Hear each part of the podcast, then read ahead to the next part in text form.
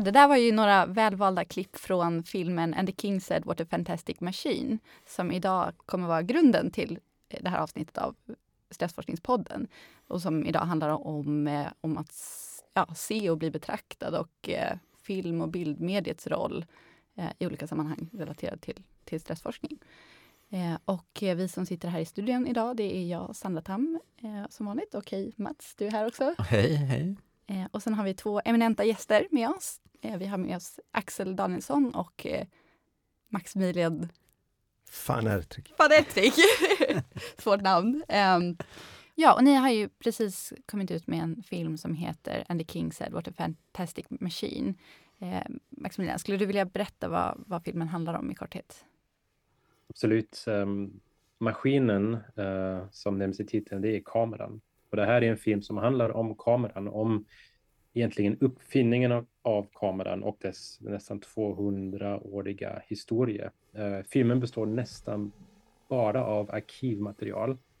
Då från den allra första bilden från 1828 fram tills eh, dagens eh, 24-7 nyhetskanaler och livestreams. Uh, och det vi fokuserar på i filmen det är just konsekvenserna av användandet av kameran och den fotografiska bilden. Konsekvenserna på, eller hur utvecklingen och användningen har påverkat mänskligt beteende men även samhället i stort. Just det, och var kan man se filmen nu när podden kommer ut? Uh, ja, filmen har ju precis haft biopremiär, uh, men det nästa tillfället att se filmen, det är på SVT och det kommer vara påsken 2024. Filmen hade biopremiär i Sverige här 1 september och den kommer att gå upp på bio nu i faktiskt över 25 länder tror jag, vilket är jättekul. Då vill vi att alla tittar. Och eh, jag tänkte att ni ska börja med att, presentera er helt enkelt. Så Axel, vill du börja med att berätta vem, vem du är? Ja men jätte, jättekul att vara här, eh, verkligen. Vi, vi pratade om det tidigare Max och jag, att eh, när, när, när, filmen gick upp eh, på biograf i Sverige så gör man ju mycket media eh, presentationer, mycket mediamedverkan. Eh, men vi har verkligen eh, längtat efter det här möjligheten att prata längre om saker, fördjupa eh, eh, samtalet om tematiken. Så vi är jätte, jätteglada eh, över att ni vill ha med oss här. Ehm, och eh, ja, men vi, vi brukar ju presentera oss gemensamt. Vi, Max och jag jobbar ju som, som en duo, eh, en filmskaparduo på eh, produktionsbolaget Plattform Produktion i Göteborg. Eh, och har jobbat ihop i tio års eh, tid. Eh, och framförallt gjort kortfilmer Eh, och detta är vår första gemensamma eh, långfilmsdokumentär. Då. Ehm, och vi, eh, både jag och Max har varit väldigt intresserade under lång tid av hur den fotografiska bilden är med och påverkar samhället och hur den påverkar oss som individer. Just den fotografiska bilden liksom. och kameran som ett verktyg för detta. Eh, men sen också hur kameran är med och påverkar hur vi beter oss i ett rum när kameran finns där. Så De två aspekterna har, har intresserat oss under väldigt många år. Och likaså då i, i bolaget då som består av Ruben Östlund bland annat och, och eh, eh, andra filmare, andra producenter, regissörer. Eh, det gemensamma kan man säga för plattformen är en typ av så sociologiskt intresse. Alltså hur agerar människan i vissa givna situationer? Liksom. Och att vi då tycker att kameran eh, är ett eminent verktyg för att fånga just hur vi faktiskt beter oss, hur det ser ut när vi gör saker och ting. Ja, superkul att ni är här. Så Maximilian, vill du tillägga någonting? Eller? Uh, nej, bara kanske att uh, jag är med ifrån Paris här på länk. Sitter inte med i studion um, i Stockholm som ni gör. Så jag beklagar om ljudet inte är top notch. Men jag mm. hoppas att jag hörs bra. Och du är med i själen? Exakt. jag är med på bild alltså. Det är en av um, kamerans uh, fantastiska möjligheter. Att jag kan vara med här via bild. Och när vi säger bild, då är det ofta ljud också, eller hur? Det är sant. Ja, välkomna. Och Tack. det är ju, så här, vi kommer ju prata mycket mer om, om hur saker och ting har förändrats över tid. Men den här möjligheten att vi sitter tre personer i Stockholm och en i Paris. Det hade ju inte varit möjligt bara för det, det är ju någonting som har hänt under de senaste tio åren som det Mm. fungerar att ha möten och inspelningar på det här sättet smidigt. Så det är ju jättespännande. Och där, där måste man också tillägga så att det är så mycket i den här te tekniken som är nästan omöjligt att förstå. Även, alltså, I det här digitala, man säger så här, även om de förklarar det för en, ja men det är via ettor och nollor som är så här, förvandlas bilden i, i Paris och så skickas den så här till, så ham- hamnar den här i en vanlig så Skype eller Zoom eller vad det nu kan vara, Facetime. Men hur det där går till, det är så svårt att ta in. Mm. Att det är faktiskt som en, det är ju en reproduktion av eh, eh, tid och rum Mm. eh, i ett, på ett helt annat ställe på jorden som sker i realtid. Det är ganska otroligt. Som, Och som är så verklighetstroget så att, vi, så att vi uppfattar ju nästan när vi ser dig nu Max och hör dig så bra. Vi har en bra skärm här i studion kan jag tillägga. Då är det ju precis som att du var med. Du sitter precis bredvid Axel där. Ja, och samtidigt, även om just den här tekniken kanske är bara runt tio år gammal, så är själva grundtekniken, alltså kameran, den är ju eh, urgammalt, alltså kamera obscuran. Mm. Det är naturfenomenet som gör att en bild överhuvudtaget kan upps- uppstå. Ehm, för de som inte har varit in i en kamera obscura så kan jag verkligen rekommendera det. det är första scenen i vår film. Vi byggde en liten kamera obscura på, på Nordstan, inköpningscentrum i Göteborg. Eh, och bad eh, folk att gå in där. Och det är helt enkelt, det är ett mörkt rum med ett jättelitet hål. Och eh, det materiet framför hålet då, alltså till exempel om det står en kompis där, ljuset som reflekteras på den här personen och tränger in i hålet, eh, det gör att en upp och nervänd bild av just den materien kan uppstå i det mörka rummet. Eh, och det är magiskt, alltså även vi som har hållit på med det här jättelång tid, vi kan fortfarande inte riktigt förklara hur det funkar egentligen. Men det är grunden för alla kameror sen eh, uppfinningen av, av kameran. Och eh, hur gammal är kamera obscura tekniken? När upptäcktes den? Alltså den, är ju, den går ju långt tillbaks till, till eh, innan medeltiden. Alltså när man, eh, eh Al-Hassen var det väl i, i Mellanöstern som, som eh, eh, upptäckte det här fenomenet med kamera obscura. Att om man är i ett mörkt rum och det finns ett litet hål så kommer det uppstå en projektion av materian ut, i- utanför hålet. Liksom. Så det här har undersökts eh, under lång, lång tid. Och, och, och, och då man säger så här centralperspektivet, att det växer fram i Europa beror också på att man använder kameraobskuran för, för, för att få en exakt perspektivavbildning där man kan rita upp eh, målningen utifrån en exakt eh, reproduktion, perspektiv av det som sker utanför. Så att det är många saker som har påverkat det här men, men det är ju först för 200 år sedan som man har eh, lyckats spara den här bilden som uppstår i kameraobscuran via så asfalt och tjära på någon så tändplåt. Liksom. Eh, men, det, men det är hisnande tanke att tänka att, att det har funnits genom historien eh, eh, eh, grottor med ett litet hål och Mm. på väggen i grottan så har man sett dinosaurier gå upp och ner inne i grottan. Ja, det är kusligt. ja, det, ja, Är det familjen Flinta-TV? Liksom? exakt. Jag, tr- jag tror, nu har jag ingen bra källa på det här, men jag tror att det finns typ bevis på att även då människorna som levde på den tiden använde sig av kamera obscura för vissa saker. Ja, det är ju hisnande. Jag tycker det, den här scenen då med kamera obscura i Göteborg, den är också så talande. Dels för att den på något sätt illustrerar hur kameran används för att upptäcka världen och förstå världen. Sen, och sen illustrerar den ju, som vi ska prata om, väldigt väl hur den används för att manipulera och anpassa verkligheten snarare än att förstå verkligheten. Det är en briljant start för övrigt. Men då när människorna i Nords, som är inne i Nordstan där ser det här så det är väldigt kul att se deras reaktioner. Och om jag minns rätt så är det som nästan blir förstummad och sen säger så här Science, bitch, bitch. Kommer jag ihåg rätt? exakt. exakt. Otroligt kul att se. Men det är också en otrolig igenkänningsfaktor tänker jag i det Ja. där. För att så här, vi är så vana vid filmmediet och, och så här, man exponeras för film av olika slag och bilder hela tiden. Men ändå, jag tycker också personligen att det där är ju, det där är ju mycket häftigare än att se en, en avancerad inspelning av en, av en film där tekniken är mycket mer utvecklad. Verkligen. Um, och på något sätt har väl det kanske att göra med att man kommer närmare någon, alltså även om vi inte kan förklara exakt vad det är som händer, så kommer man närmare något slags eh, liksom praktisk maskin som man kan förstå snarare än det här att, att det är en, en massa information med ettor och nollor som vi inte vet hur vi ska förhålla oss ja, till. Precis. Men detta är Mysteriet. väl, en, Ja. men det, detta är väl också en, en sån där grej varför, för vi har pratat mycket om så här, vad, är det som, vad är det som gör att just kameran, den fotografiska bilden, har sån otrolig påverkan på oss. Liksom. Alltså, vad är det som gör att det nästan som en kompis till oss uttryckte så här, som att vi är en art som har utvecklat så spröt som gör att vi kan uppfatta eh, saker eh, globalt. Liksom.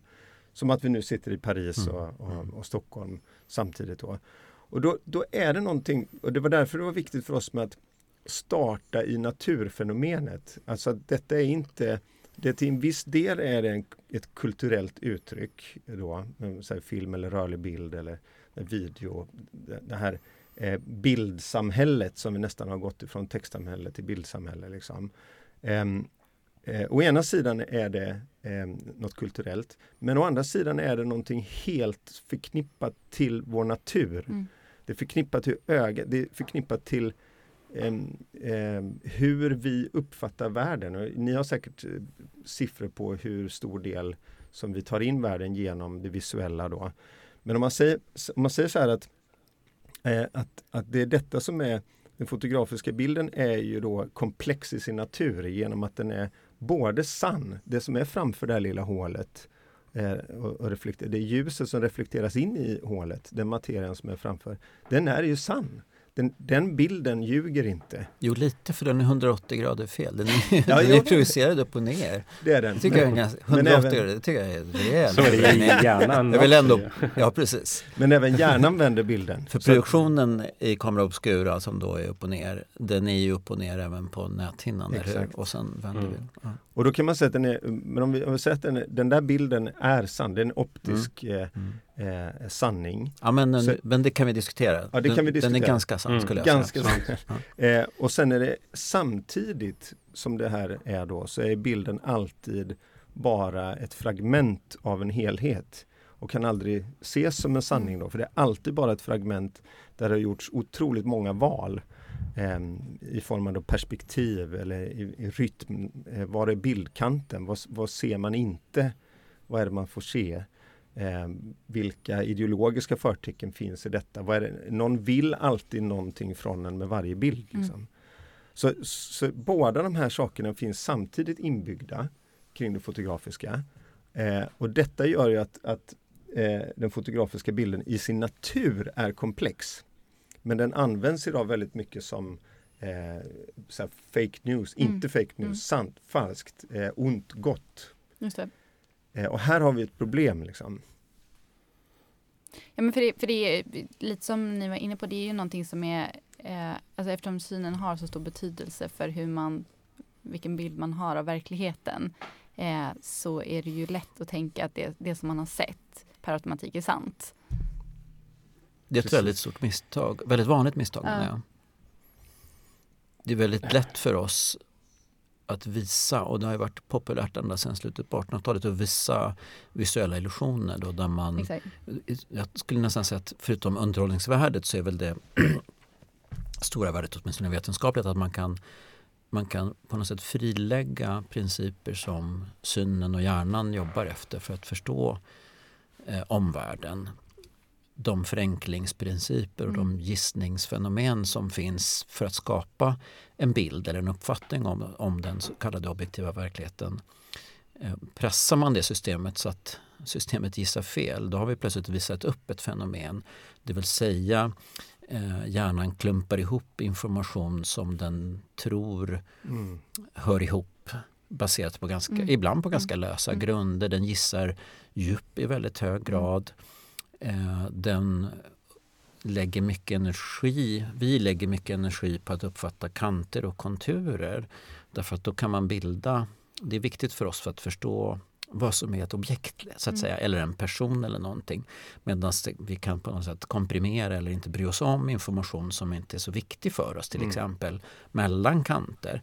Det finns massor med exempel på, på de här gissningsprinciperna. Som, men, vi, men totalresultatet är väl ändå att, att, vi, att, det, av, att det är verkligheten som avspeglas. Mm. Är det inte till och med så att eh, jag, undrar om du har sagt det Mats, eller jag läste någon annanstans det här med eh, att om man, om man panorerar med ögonen, panorerar blicken så kommer ögonen eh, ta in den informationen som är viktig för en och helt, egentligen skip, den kommer animera, hitta på det som sker emellan om det inte är viktigt. Man har gjort test med så här klock, eh, mm. sekundvisare Ehm, där, där, så att säga man kan, man kan lura ögat att, att se att ögat hittar på att sekundvisaren eh, rör sig.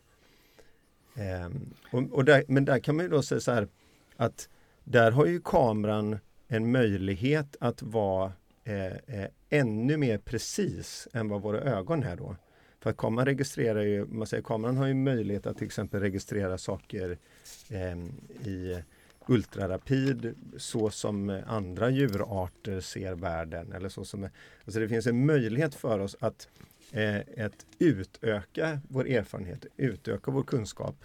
Om man, om man, då, om man, om man pratar om kameran som någonting som har möjlighet att, eh, att förmedla mänsklig erfarenhet Oavsett om det är på Netflix eller om det är på Youtube eller om det är via våra egna telefoner, hur vi använder dem, våra egna eh, mobilkameror. Liksom. Man säger, om det skulle vara, om vi skulle vara i en kultur som byggde på det, att det är så att säga eh, eh, möjligheten att förmedla mänsklig erfarenhet, då är det ett enormt starkt verktyg.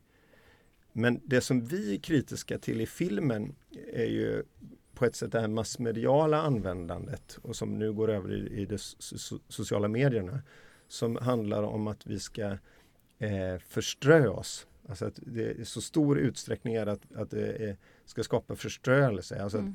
att eh, inte vässa våra sinnen och eh, möjligheter utan eh, tvärtom eh, eh, göra att vi blir mer passiva. Liksom. Eller, eller egentligen Mm, minska det komplexa tänkandet. Och där ser vi ett problem. Då. Det, och det är ju, delar i filmen eh, går hårt på det här mass, mass, massmediala sättet att använda sig av, kamerans möjligheter. Då. Kan ni ge något exempel på några sådana filmsekvenser och varför ni valde dem? Vad säger du Max? Ja, precis. Alltså man kan väl ta... Um, uh, vi kan prata om titeln. Filmen heter ju And the King mm. said what a bra. fantastic machine. Det är en väldigt bra exempel och, och um, anekdot. Så att om man ser att de tekniska möjligheterna, till exempel kameran, de är ju, de, de är ju fantastiska, men det är ju intressen bakom som kan vara hotet. Um, och så i filmen så visar vi uh, de första rörliga bilder som visades för en större publik. Det är ju det man uh, brukar säga att det är Lumière-bröderna i Paris 1895.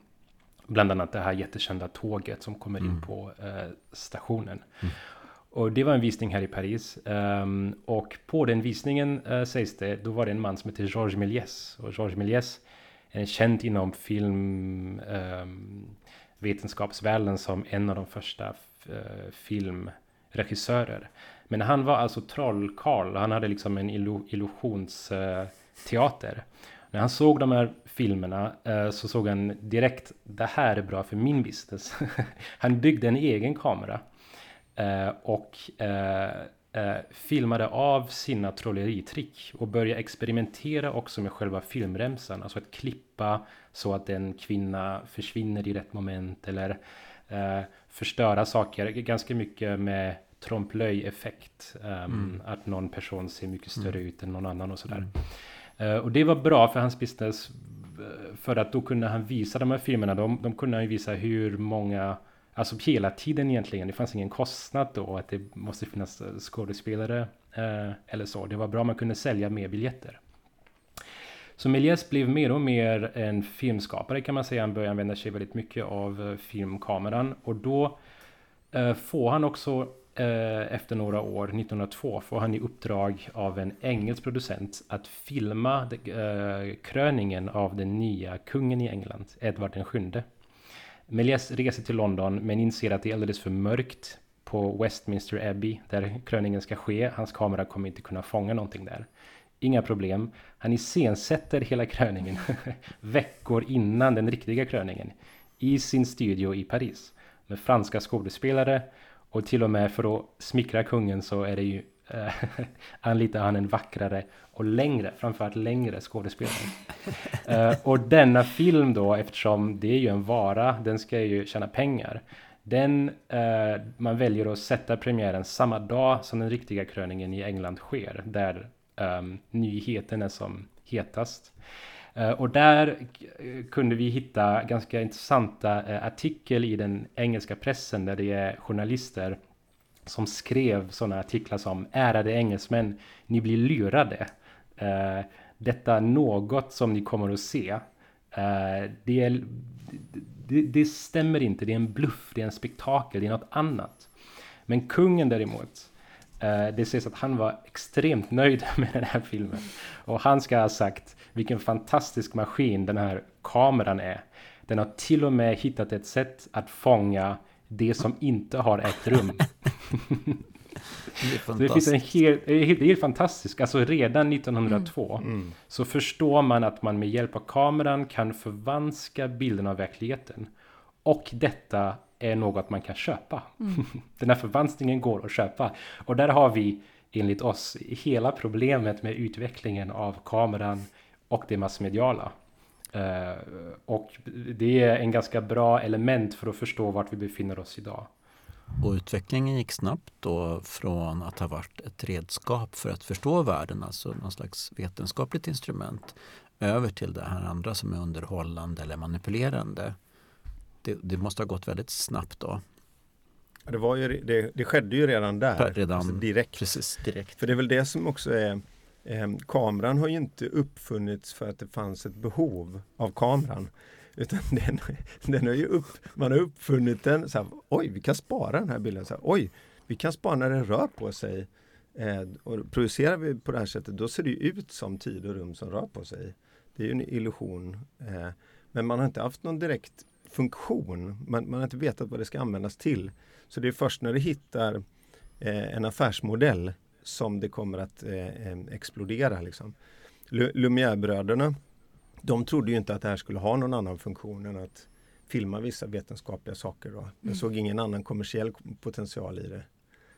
Och vilken affärsmodell som den har mött då, eller det här mediet har, mm. har mött då. Och, eh, om det laddas upp då 500 eh, timmar film eh, per minut, eller hur? Minst på Youtube och det är någon miljard timmar film som visas där dagligen.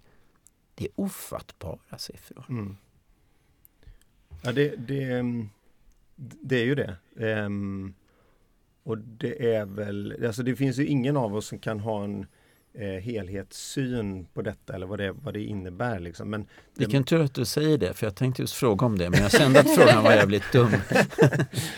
det, det enda man kan säga är att man märker ju konsekvenserna i samhället. Vi, vi pratade ju innan podden här lite om, om det så här eh, är det inte märkligt ur en aspekt att vi så här, nästan alla har en, en, ett verktyg i sin ficka där man kan så här, fånga världen. Vi kan titta på hela världen.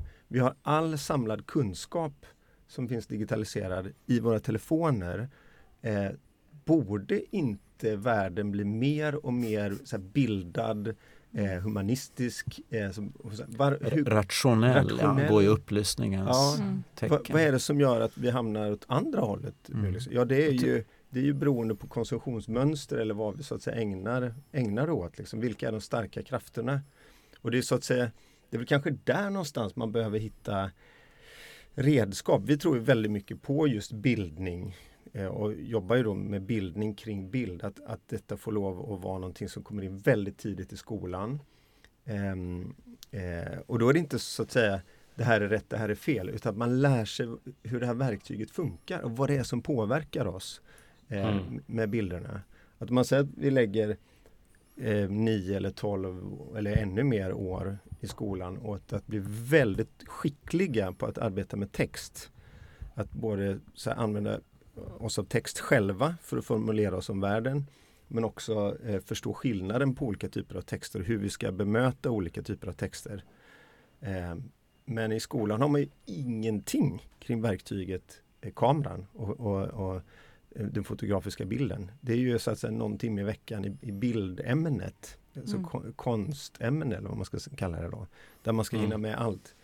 Och, och, här är det då ehm, eh, vi har ett stort projekt igång nu detta läsåret där vi vill att eh, Sveriges niondeklassare ska få möjligheten att se den här filmen på skolbio.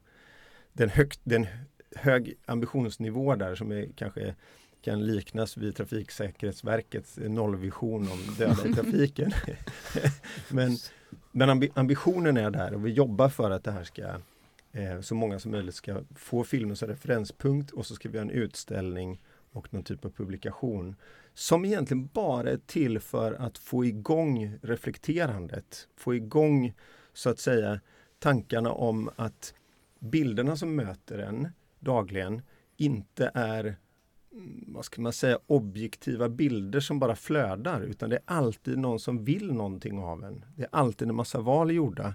Och börjar man defischera det och börja se det för vad det är eh, så hoppas vi att man kan få en lite mer ehm, eh, distanserat förhållningssätt till det här enorma bildflödet. Då.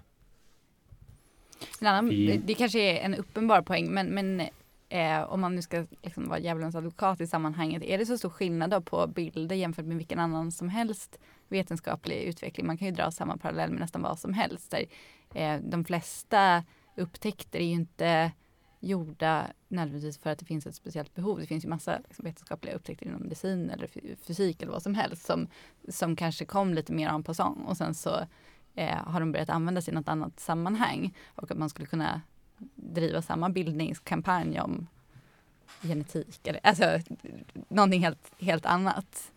Yeah. Vill du svara Max Ska Um, nej men alltså absolut, men det är just kanske det här. Vi menar att så som Axel var inne på det tidigare att vi nu idag lever i ett bildsamhälle och att vi har gått från ett textbaserat samhälle in i ett bildbaserat samhälle. Och på så sätt skiljer sig just detta uh, tycker vi från uh, andra uppfinningar eller, eller utvecklingar att vi märker väldigt ofta, eller med den här filmen, vi har visat den väldigt mycket för unga människor också, alltså mellan 14 och 18 skulle jag säga. Och vi märker att det, vi lever verkligen i en tid där många, eh, inte bara unga i och för sig, har svårt att uttala sig, sätta ord på det de ser, alltså på de bilderna de ser eller nyheterna eller eh, en film eller vad det nu är, utan det går ju så att säga rakt in i hjärnan och bypasser hela det rationella eh, mönstret som vi har.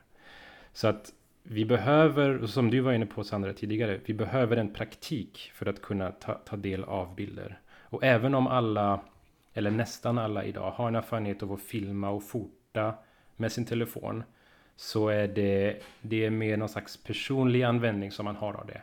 Det massmediala som vi var inne på eh, Milies innan, deras tricks. de är man kanske inte alltid medvetna om. Um, till exempel finns en sekvens i filmen där vi har varit bakom kulisserna på Melodifestivalens uh, final. En ganska rolig sekvens. Där man är med och ser den internationella juryn som kommer in och ska ge sina poäng efter att alla artister har um, sjungit sina låtar. Och när man tittar på tv så ser det ut som att hela juryn sitter i sina respektive länder. De sitter i Paris och i Madrid och Zagreb och ger sina poäng. Men vi eh, fick alltså spela in eh, den kameran som fångade dem. För på riktigt är det så att de alla sitter i arenans källare. Mm. att det är en green screen bakom dem och att de väldigt, väldigt, väldigt, väldigt, väldigt snabbt behöver byta. så att de alla kan sitta på en liten pall och ge sina, um, och ge sina poäng. Och där är det, det finns egentligen inget behov att manip- alltså, det gör man väl för att det är liksom billigare, men det finns inget behov att låtsas som att det inte skulle vara så där. Um, men det är den här utvecklingen då som finns inom det, det, det massmediala, att man, man skapar en värld som inte finns. Och har man ingen praktik kring hur man ska kunna läsa bilder eller hur bilder skapas, uh, då kan det bli... Ja, då blir man ju lurad. Uh, ja. Jag tycker, tycker en, en intressant, väldigt konkret eh, eh, konsekvens av, om man säger, de traditionella medierna. Man, man säger, vi får ju frågan ibland, så här, men vadå, är ni emot eh, eh gammelmedia och hur traditionella, och SVT och sådär, och är ni inte för public service? Här? Jo, vi är ju verkligen för public service. Alltså, jag tror att det är helt avgörande för att vi ska kunna ha någon typ av mm. demokratiskt samhälle. Men problemet, så, så, som vi tycker, är att om man, om man så att säga hela tiden jobbar med konventioner och döljer konventionerna så kommer man att föda det här som är eh, eh, antidemokratiska rörelser. Eller man kommer så här, eh, det, om, man, om man tittar då så här, eh, konventionen om att när man berättar om vad som har hänt i världen eh, en, en vardagskväll så ska det, det, världen ska presenteras i halvbild av någon som har en kostym på sig och talar på ett visst sätt in i kameran. Liksom. Detta är konventionen. Eh, Sen, blir man då, sen ska man försöka reda ut när alt-right-rörelsen eh, eh, kopierar exakt den här formen. Man härmar exakt den här formen. Man har, man har en bluescreen i bakgrunden som visar olika grafer och sen så är det någon som tittar rakt in i kameran i en tele, med en teleprompter och klätt på sig samma kostym. Men säger bara några helt andra saker om världen. Liksom. Eh, vi har ett annat exempel som är eh, en scen i filmen med då IS, eh, IS-krigare som kämpar med trovärdigheten av att eh, spela in en propagandafilm. Då, liksom, man får se eh, hur, de, hur svårt de har att komma ihåg texten och så vidare. Då. Ehm, eh, under den här tiden när IS höll på med det här kalifatet eh, i Mellanöstern och växt, växte sig väldigt starkt 2015-2016 så var de högst betalda inom IS var mediapersoner.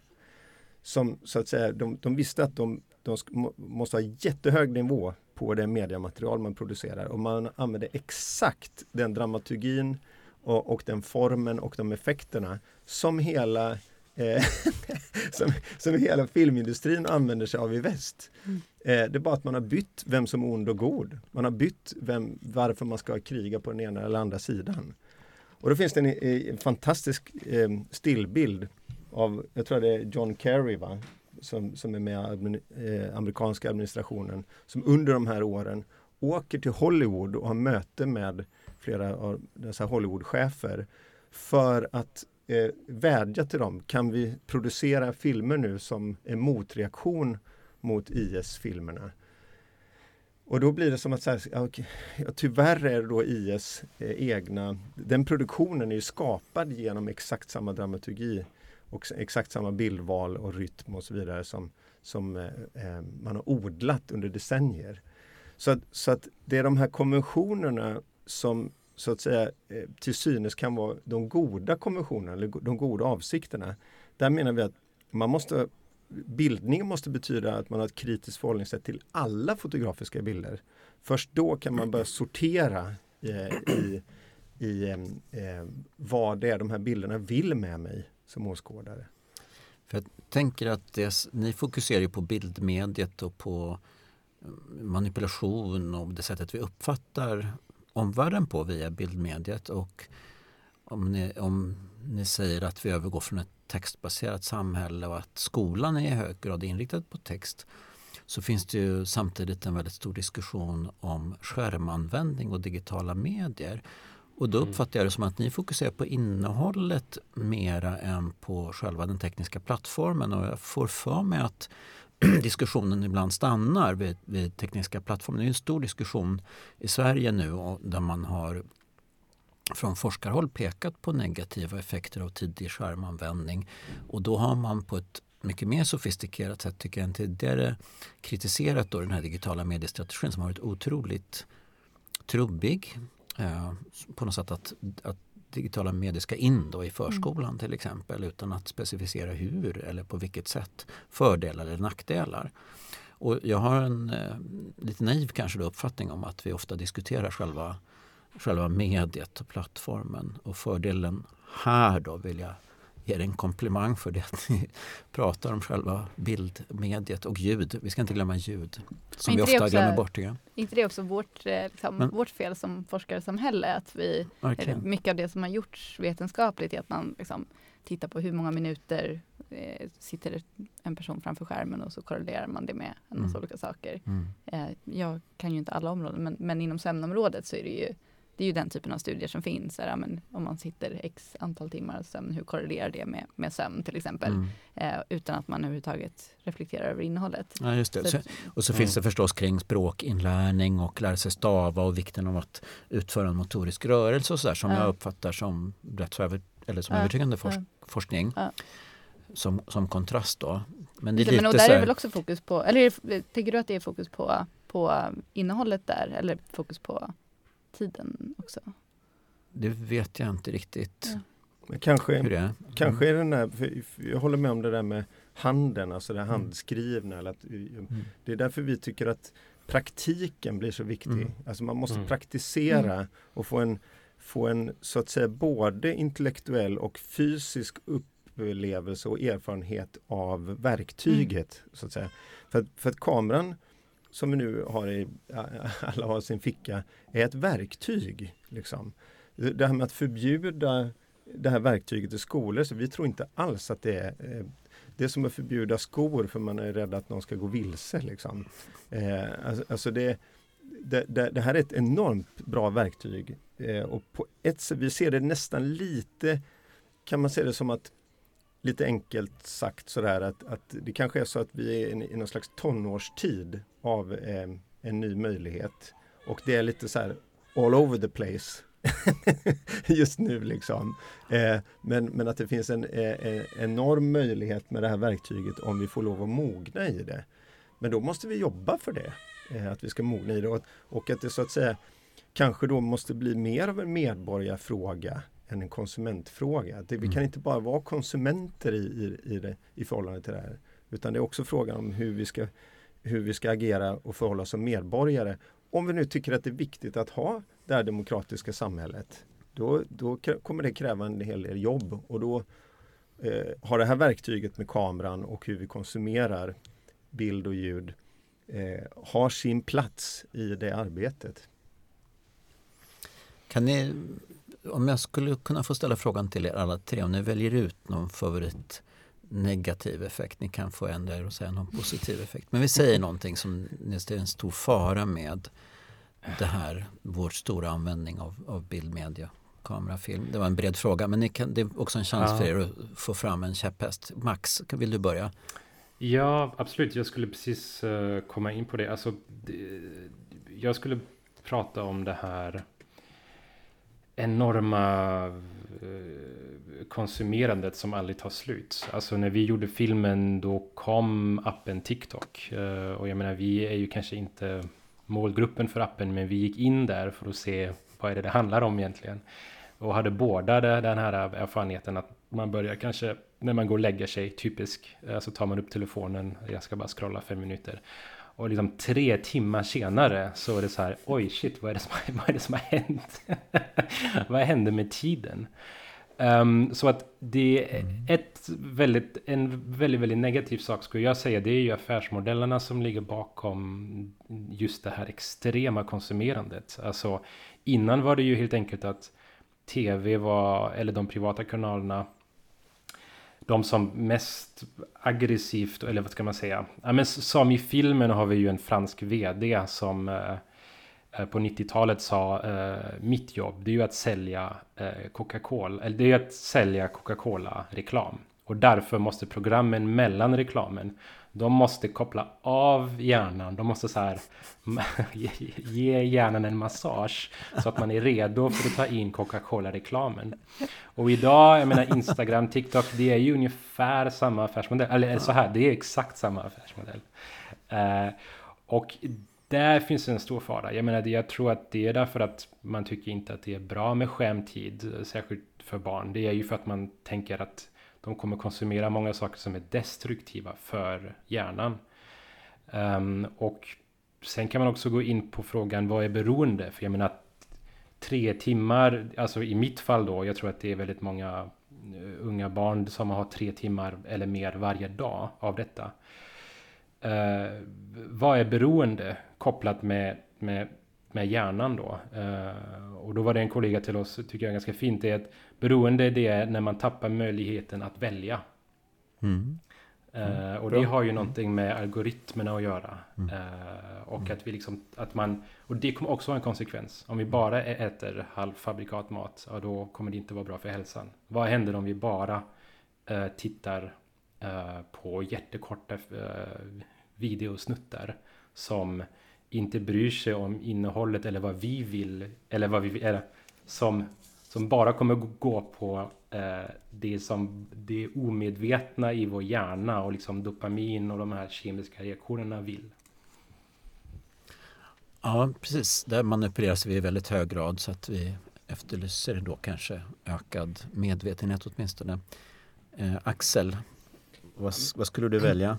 Ja, men det hänger nog ihop med detta. Jag, jag tycker det, det, finns en väldigt stark korrelation mellan framväxten av eh, eh, bildmedierna eh, och den eh, eh, liksom logaritmiska utveckling av, eh, av det här och hur då demokratin och, och förtroendet för demokratin blir så, det till slut blir så slitet också. Men om man säger så här, det gemensamma samhället. Hur ska det, så här, det gemensamma samhället organiseras och se ut liksom? Um, eh, och där vi så att säga, det måste finnas någon typ av så här försvar av mänskliga rättigheter och eh, en frihet då liksom. Eh, eh, korrelationen mellan att, att det går ner och att det här användandet går upp är väldigt starkt. Det är så starkt så att det MIK-området, alltså medie och informationskunnighet, har blivit en FN-fråga och ligger nu under Unesco som någonting som, som eh, eh börjar arbetas med väldigt mycket världen över. Då. Och vi har, vi har märkt ett stort intresse från MIK-fältet gällande filmen också. Då, liksom. Och det här blir kanske vårt bidrag till det här just med att, att vi efterfrågar en, en praktik kring det. Att man måste in med vissa begrepp. Eh, man, man kommer inte förbi ordet perspektiv eh, om man sysslar med eh, både konsumtion av bild och produktion av bild. Och perspektiv rymmer enormt mycket olika diskussioner och tankar liksom, och erfarenheter. Eh, så, att, så här, här någonstans eh, eh, ser jag den största farhågan eh, nu då liksom. Att hur, hur, ska vi, hur ska vi rustas?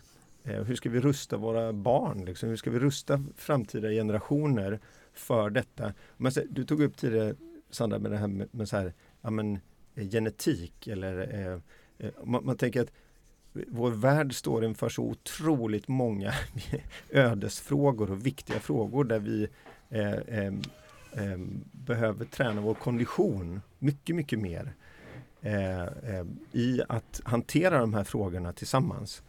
Och där ser jag så här, ja, men där är kameran eh, och den fotografiska bilden ett otroligt bra verktyg men det används inte på det sättet idag. Liksom. Och där har vi lite bråttom i förhållande till många frågor. Då. En, en kommentar till det du säger Eh, Max, det, det, är ju att det är faktiskt bara helt enkelt så att, att jag ser en parallell till hur, hur vi i den här podcasten använder kultur. Att vi vill massera hjärnan och öppna personer för att bli mottagliga för förhoppningsvis då fördjupade budskap som ju också är vår idé med den här podden för övrigt, Axel. Att, att, få en, att se till att vi tar makten över budskapet istället för att bara bli intervjuade så, så skickar vi ut information på ett sätt som vi väljer. I det här fallet så använder vi också kultur, inte bara för att du och jag gillar det Sandra, utan även för att det är faktiskt effektivt. Mm. Öppna, massera. Det är någon slags, vi säljer då på samma sätt som det du beskriver med att sälja en läskedryck och så vidare. och, också en reflektion är också att, att mediet, till du säger Axel, att mediet är så otroligt kraftfullt så att det, det jag vet inte om det saknar motstycke till känns så när vi pratar om det att, att syn är tillsammans då med, med hörsel som det här mediet enkelt förmedlar. Det, det är väldigt svårt att värja sig Hur mycket är emot. det? Liksom? Är det finns det undersökningar som visar på hur stor del Syn mot ljud menar du? Eller? Nej, men syn och ljud i förhållande till eh, hur vi tar in världen. Och så här.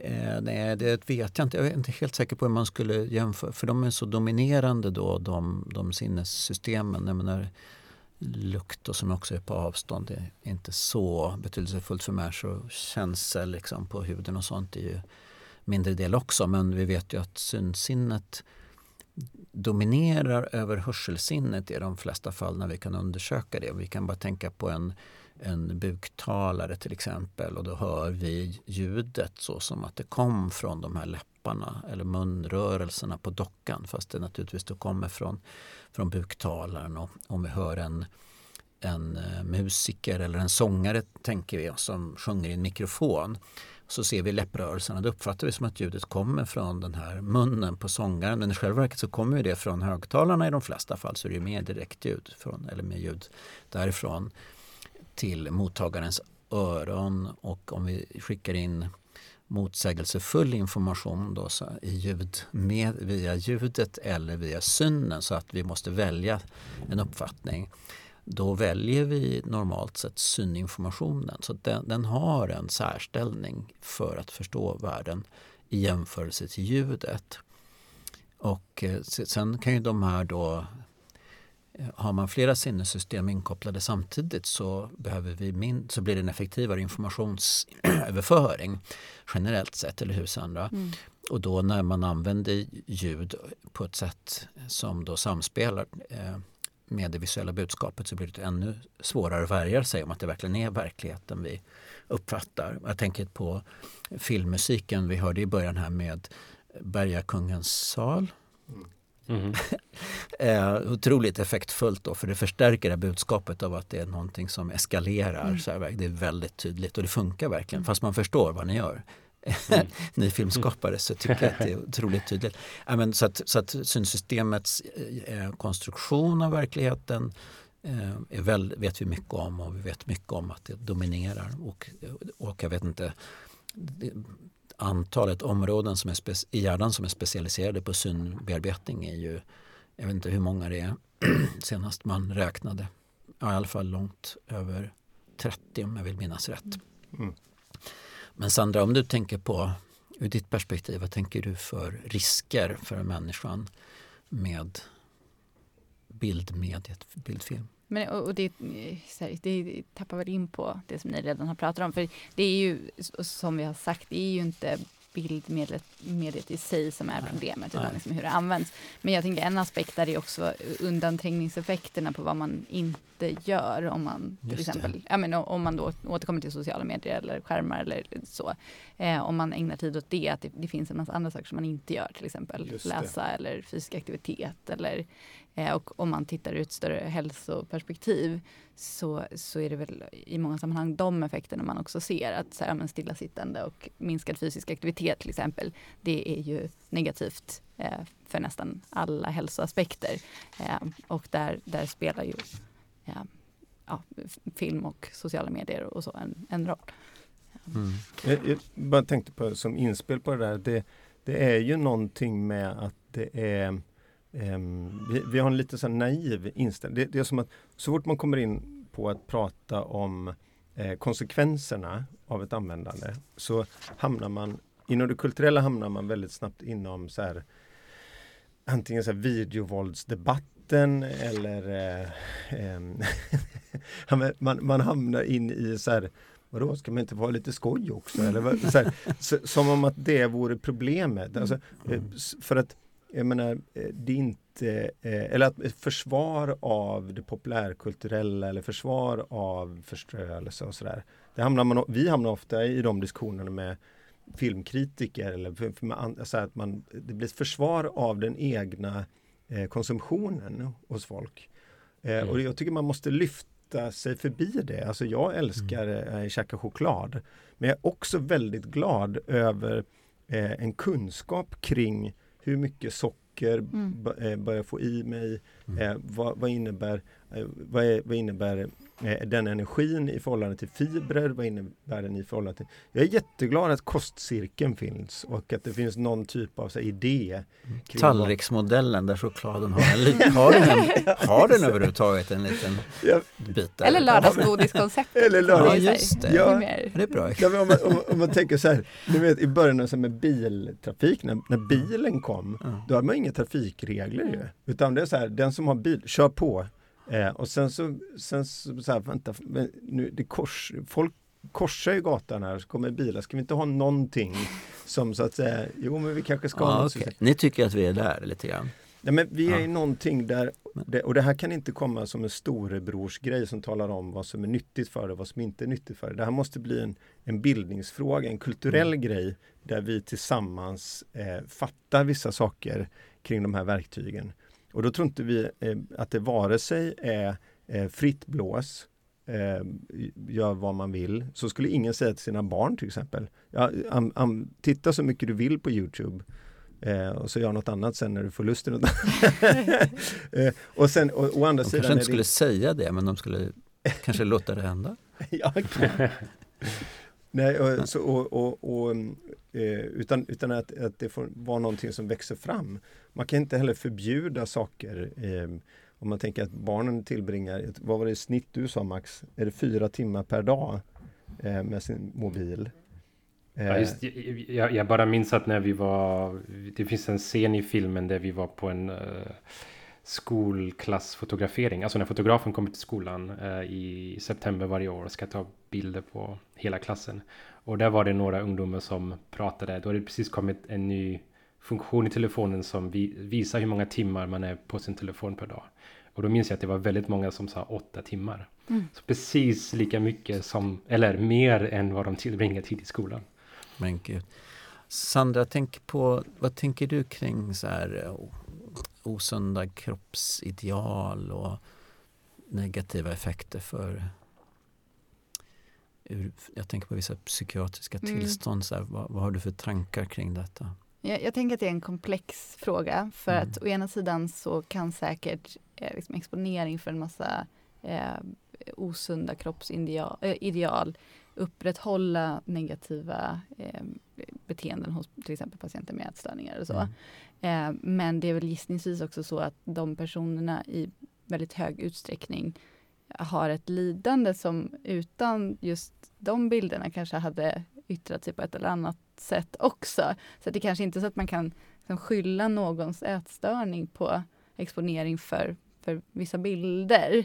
Eh, men för personer som har en anorexi till exempel, att, att hela tiden bli exponerad för, för andra personers kroppar som kanske då eh, är framställda i ett ja, men orealistiskt, eller på ett orealistiskt sätt, eh, så, så eh, hjälper väl det till att upprätthålla eh, negativa idéer kring den egna kroppen till exempel. Mm. Eh, tänker jag är en, en sån as- aspekt. Mm, och också, man har ju diskuterat huruvida det finns liksom en smittoeffekt vad gäller många psykiatriska tillstånd. Att, att det går ju ändå, eh, Eh, det låter ju eh, på något sätt oproffsigt att säga trender i det där, men, men det finns ju ändå vissa typer av, av beteenden hos, hos patienter med ett psykiatriskt lidande som, som eh, dominerar under vissa tids eh, eh, på liksom olika, olika sätt att, att eh, det här lidandet yttrar sig har ju varierat över tid.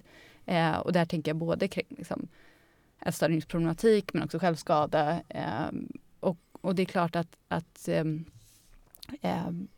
sociala medier eller, eller filmer och bilder och sånt spelar en roll där. Att man eh, liksom också i viss mån kan lära sig av vad, vad andra gör. Mm.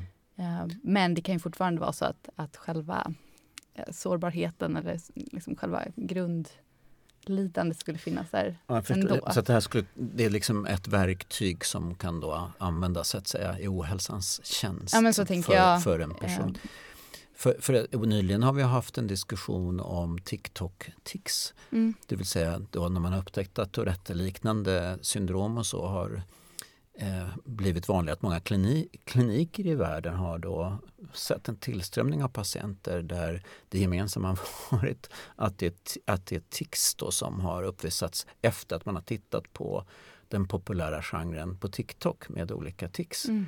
Så att det- här är en, ett, ett väldigt intressant Mm. fenomen tycker jag på smitta av, av eh, Oj, vad slags intressant. Alltså att man Mm. via att man tar del av det Mm. visuellt och audiellt då mm. så kommer man att eh, omedvetet börja härma tixet. Ja precis. Och då få ett problem med det här då också. Särskilt om man visar upp, för det har varit en del influencers och så här som nästan eh, visar upp de här som en, en, jag vet inte om det är en fördel men åtminstone någonting som kopplas ihop med deras sociala status. Och det här hänger ihop med eh, lidande och sjukdomars formbarhet utifrån en idé i samhället Mm. om, om hur någonting är eller hur det kan vara. Och då har vi sett genom historien att, att det tycks verkligen vara som att liksom förekomsten och möjligheten och förklaringen påverkar hur, hur, någonting, hur man uppfattar Mm. kroppen Mm. och, och sina problem. Verkligen. Så det kan styra Mm. i någon riktning och TikTok Tix tycker jag är ett, Verkligen. ett bra exempel på det. Det blir som att så här, svimma offentligt på Ja, början av 1900-talet. Ja. Mm, mm. ja men precis. Och det, eh, män föll varandra om armarna i ömma kärleksbetygelser på när det var det 1800-talet och grät av det ansågs fint. Och sen Mm. Har det där minskat så efter tonåren så, eh, så skiljer sig kvinnor och män till exempel Mm. mycket mer.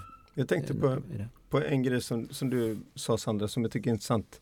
Som är så att säga eh, när man exponeras eller håller på med någonting så är det någonting annat man tränger undan. Liksom. Ja. Och det, jag tycker det är intressant den här, har ni hört talas om den här Snapchat dysmorphia?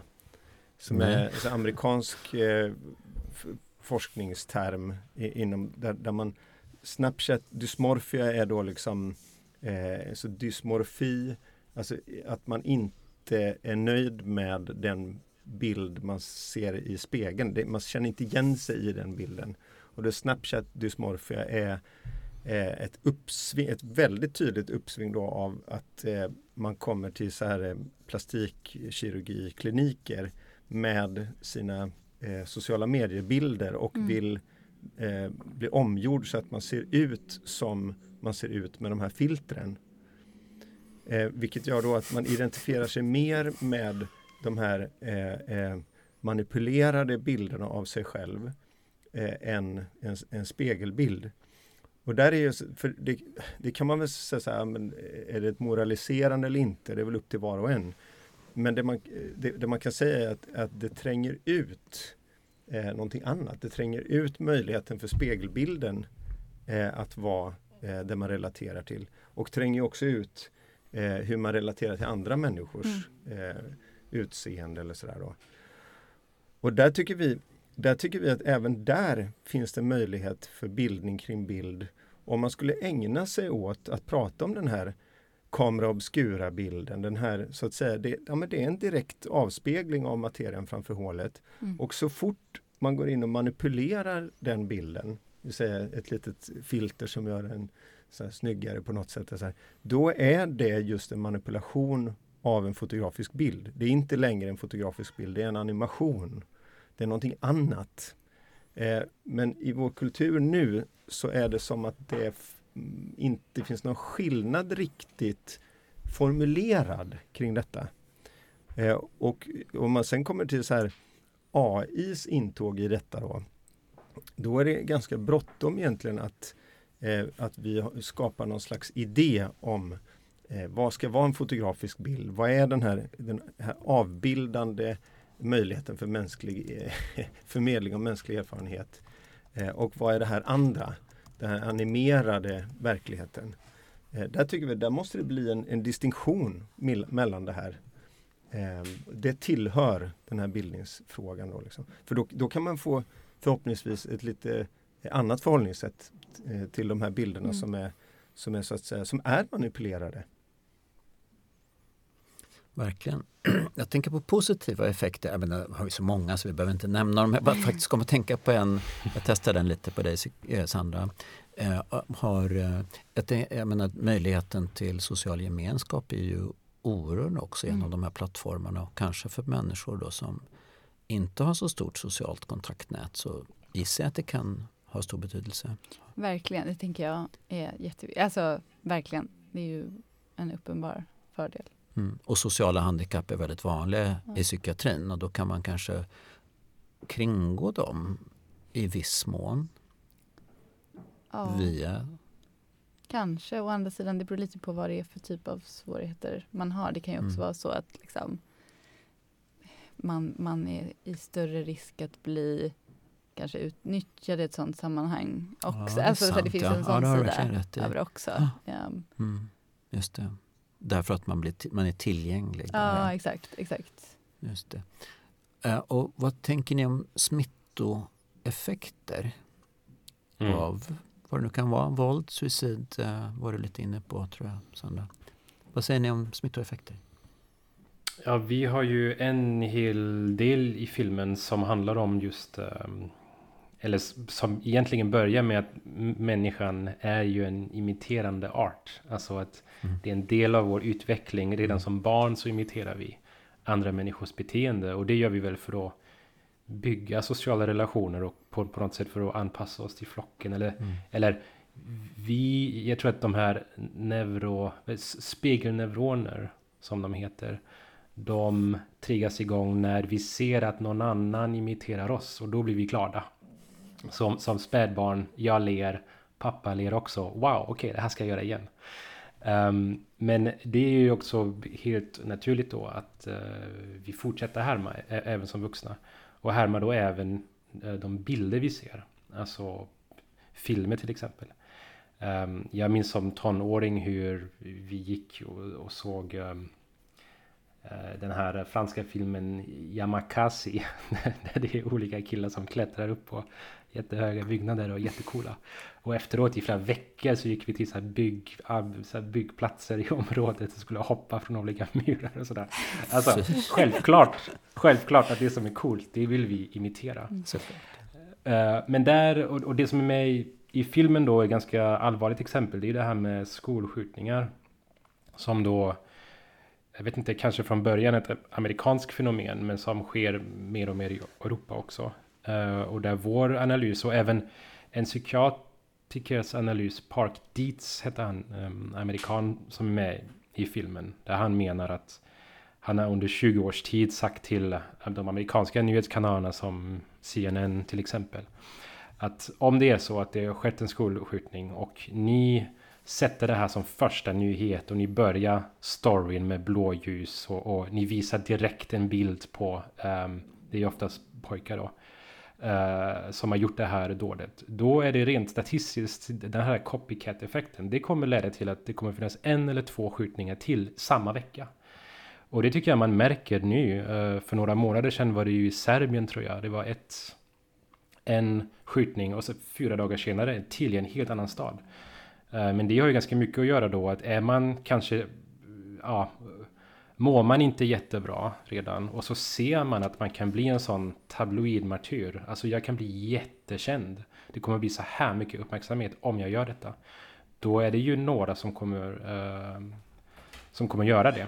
Eh, och där finns det lösningar enligt oss eh, som massmedia kan eh, eh, eh, använda.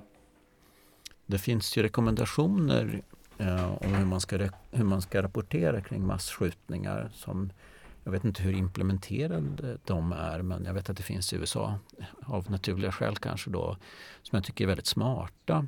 Och, det, och ni har ju en psykiater i filmen också som, som pratar på liknande sätt om man ska minska smittoeffekter om jag minns rätt. Men då handlar det till exempel om hur man ska undvika att eh, tittaren då ska identifiera sig med den här personen. Man ska inte berätta om det på ett sensationellt sätt. Man ska undvika att visa bilder så här på offer och utövare eh, samtidigt. Så att, som, som jag uppfattar som väldigt genomtänkta förslag på det. det jag, tyck, jag, jag får en känsla av att ni kanske Ehm, med filmen också efterlyser en debatt där man kanske på ett tydligare sätt, eller på ett liknande sätt kan förstå hur man ska minska negativa och öka positiva effekter av, av, av den här teknikutvecklingen.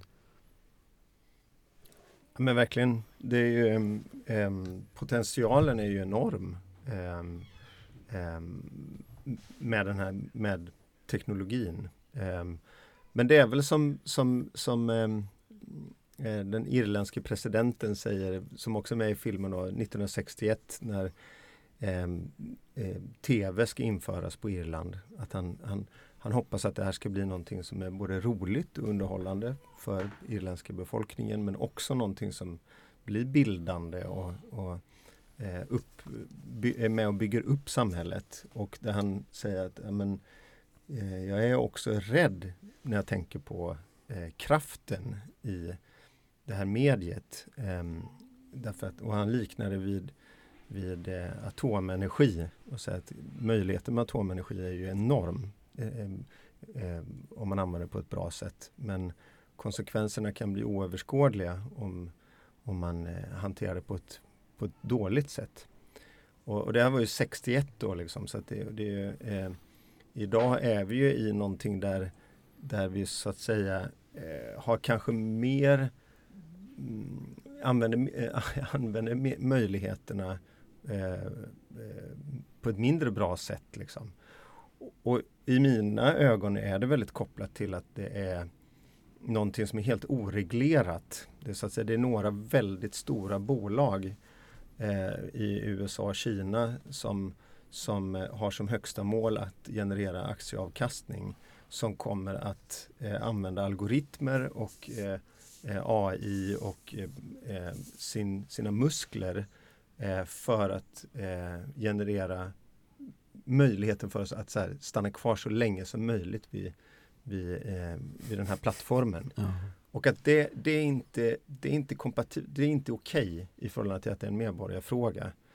Så, så då kan jag, om man ska prata om något positivt, då kan jag bli så väldigt glad när min tioårige son för ett halvår sedan eh, kommer till mig med sin platta, någonting på Youtube han har sett och så sen eh, Pappa, jag fattar inte det här klippet. Så här. Ja, vad, vad, är det, vad är det du inte fattar? Nej, jag fattar inte var i klippet hur de tjänar pengar. På det. För det var ingen reklam innan. Så här. Och då får man titta på det och säga, jaha, men det kanske är en produktplacering här eller vad är, är det samarbete med någon? Eller så här. Och är man tio och börjar mm. förstå att det finns en intention mm. bakom mm. det man tittar på och mm. att det är någon som vill någonting från mig då, då känner man så ett hopp. Liksom. Mm. utan att du pratar om det vid middagsbordet. Han kanske är lite Kanske lite, okay. ja. En helt representativ familj.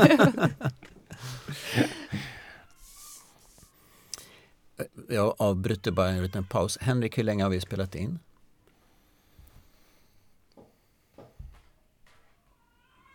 Åh jävlar. Ja. Halvvägs. Det finns så mycket kvar att prata om. Vad sa du? Så det är någon timmes material. Ja, det kanske är bäst vi avrundar fast det finns många, väldigt många intressanta saker att prata om. Då är vi en tredjedel in. Ja, vi gör en tre program av det här.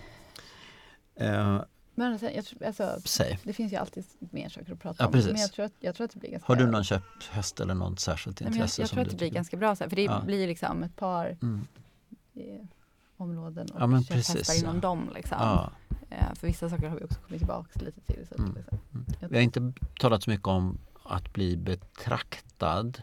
Mm. Eh, och det, det kan vi, vi kanske ska skippa det. det. Det, har kommit upp i andra mm. poddavsnitt här för mig, den här liksom stressen ja, av, att, av att bli betraktad och ja. utvärderad. Ja. Nu tycker jag det i och för sig är centralt här men, men det, de andra sakerna vi har pratat om är också så himla intressanta. Så vi kanske skippar det då, så, byter vi, så har vi inte kvar den där titeln som jag ja. mycket med. Ska vi då helt enkelt bara eh, avsluta? Vill du göra det? Kanske? Okay. Men eh, Axel och, och Max och Mats, jag tror att vi har hunnit täcka in en del av det vi hade tänkt att prata om, men absolut inte allt som man skulle vilja prata om det här, så vi kanske får återkomma i ett senare avsnitt. Eh, men jag skulle vilja tacka er för att ni vill vara med i podden idag. Jag tycker att det var ett jättespännande samtal. Eh, och eh, ja, så stort tack för att ni var med idag. Mm, tack. Tack. Jättekul att vara med. Tack.